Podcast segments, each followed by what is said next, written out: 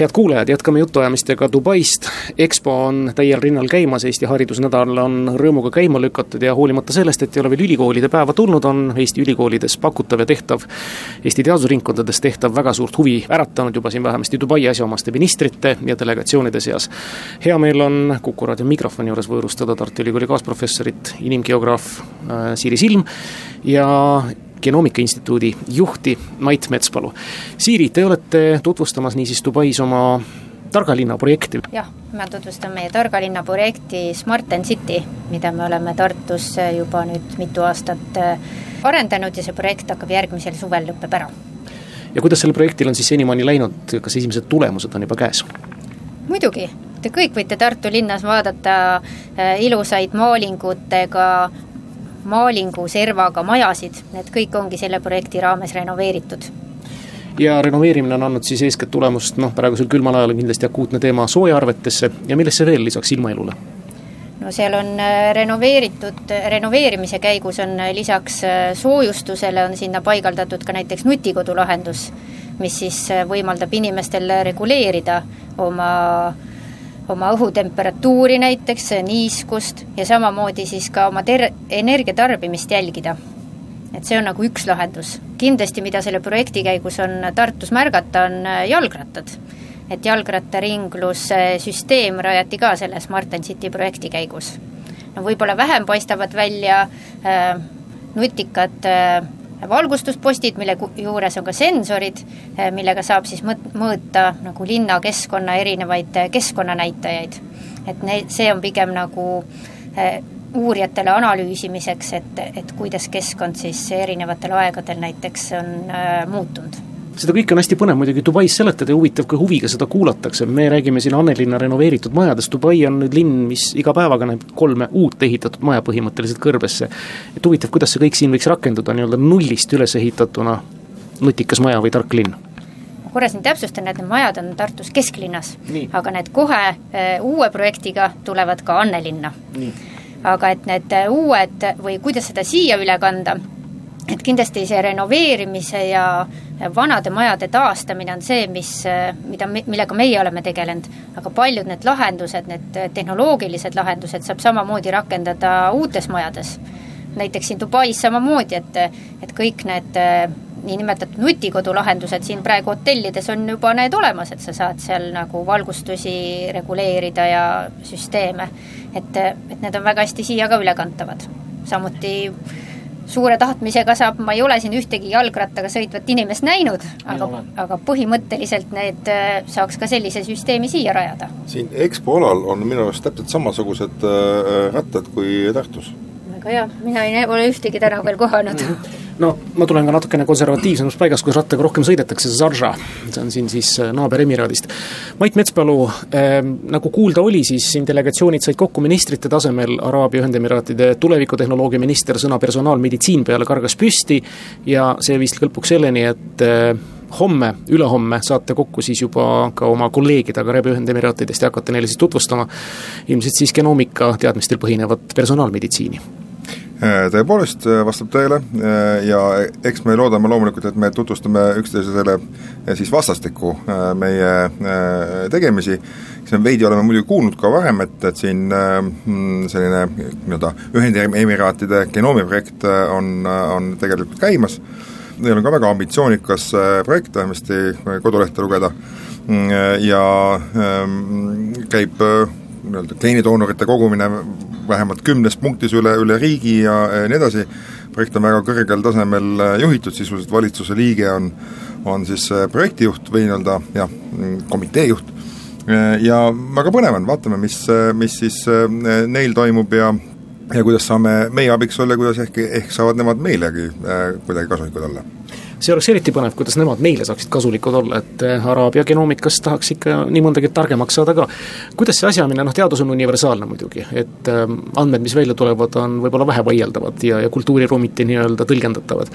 aga ikkagi oleks põnev teada, kuidas nagu Araabia kultuuriruumis sa nii-öelda selle genoomika projektiga lähed ja kas läheb see nii ludinal nagu eestlastel, kus oli pikk saba ju nendest, kes tahtsid geenidoonoriks hakata jah, ega eh, noh, täpselt nüüd muidugi ei oska öelda, eks ole, et, et siin on tõesti nüüd väga huvitav, et eh, tõesti see kultuuriruum on, eh, on, on ju väga erinev, et noh, me teame, eks ole, siin käib väga palju rohkem asi ülevalt alla, et kui äh, tehakse nii, nagu öeldakse ja, ja äh, aga, aga paistab, et see huvi äh, on äh, nii palju, kui ma juba nagu eelnevalt üritanud tutvuda, et paistab, et see huvi tegelikult on äh, inimeste hulgas äh, analoogne, et see on, on nii-öelda nagu noh, põnev äh, teema. aga ma vastaksin palju nagu, kuidas ma ütlen, paremini ülehomme peale kohtumist mm. -hmm see oleks huvitav teada, ma saan aru, et siis araablastega senimaani on olnud kindlasti sõbralikud, aga suhteliselt põgusad kontaktid või? Eh, no Katari eh, biopangaga on olnud eh, selliseid kohtumisi varasemalt, aga sellist aktiivset, aktiivset koostööd praegult ei ole. me oleme Haridusnädala raames teiega siin vestlemas ja siin on hästi palju rõhku pööratud nüüd üha rohkem sellele, kuidas võiks tulla innovatsioon haridusse ja üks võimalus on siis teha nii-öelda personaalmeditsiinile kõrvale ja juba sinna teed minnakse ka nii-öelda personaalne haridus. kas ka nii-öelda genoomikaga on see kõik seostatav, ehk siis geenipanga andmetega, noh, välja sõeluda, et vot laps vajab vot seda sorti lähenemist, õpetamisviisi ja kõike muud särast, mitte et ei pea psühholoogi juures teste täitma noh, see on nüüd väga keeruline eh, teema ja, eh, ja, ja meil on, eks ole, siin delegatsioonis näiteks eh, Grete Arru, kes, kes personaalsest ja mitte nüüd siis geneen, geenidel põhinevast, vaid, vaid muidu personaalsest lähenemisest haridusele väga kirglikult räägib, mm, et no on kindel see, et inimesed erinevad üksteisest geneetiliselt ka Äh, tunnuste poolest, mis on olulised või mis mõjutavad äh, seda, kuidas inimesed äh, õpivad.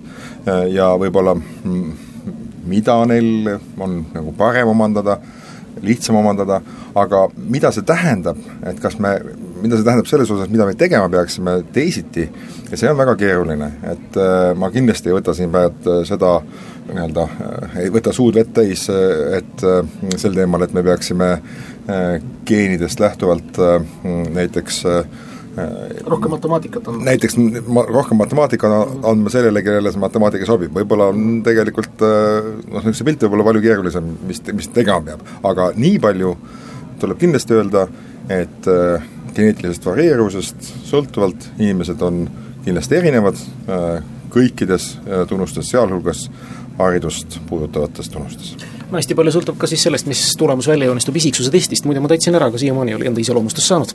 tohoh, see peaks tulema, siis, siis on mingi viga, sest see tuleb, peaks tulema nagu plaksti kohe nagu umbes nagu minutiga. no selge, ma lähen ükskord veel sinna lehele, uurin järgi. Te olete mõlemad geograafid ja te jagate väga hästi linnaruumi ära. ma ei tea, palju te olete saanud täna Dubais ringi vaadata, kaks päeva siin olles?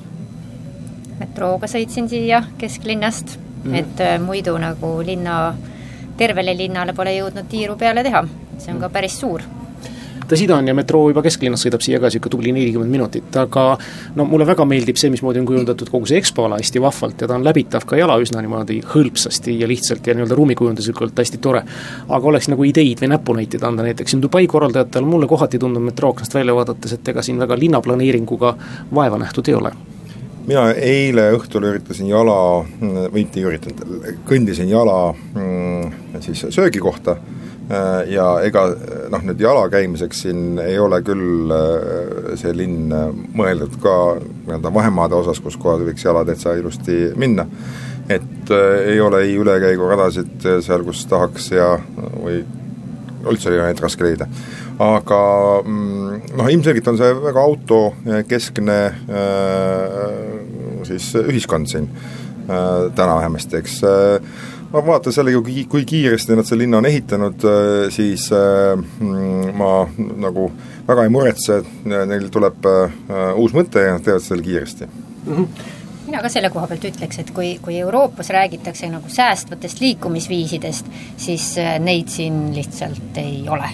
Mm.. et, et ei noh, et kui, et et jala käimine või jalgrattaga sõitmine või hästi populaarsed tõukerattad, et noh, selliseid lahendusi lihtsalt siin ma ei tea, kas sinna saaks rattaga sõitagi üldse et see on nagu päris no, keeruline. Tallinna kogemusega äh, ratturid saaks ka siin hakkama. no see võib olla, jah. aga ma arvan, et nad kuulavad Siiri ettekande targast linnast ära, mis puudutab ka jalgrattaid ja rattaringlust ja siis ühel hetkel, nagu siin riigis käib, ülevalt alla tuleb kesk ja me tuleme aasta pärast tagasi ja vaatame, ohoo, kas see on seesama Dubai. aitäh teile, Siiri, aitäh, Mait, selle usutluse eest, edu, jõudu ja jaksu siis eesseisvatel kohtumistel, ettekannetel!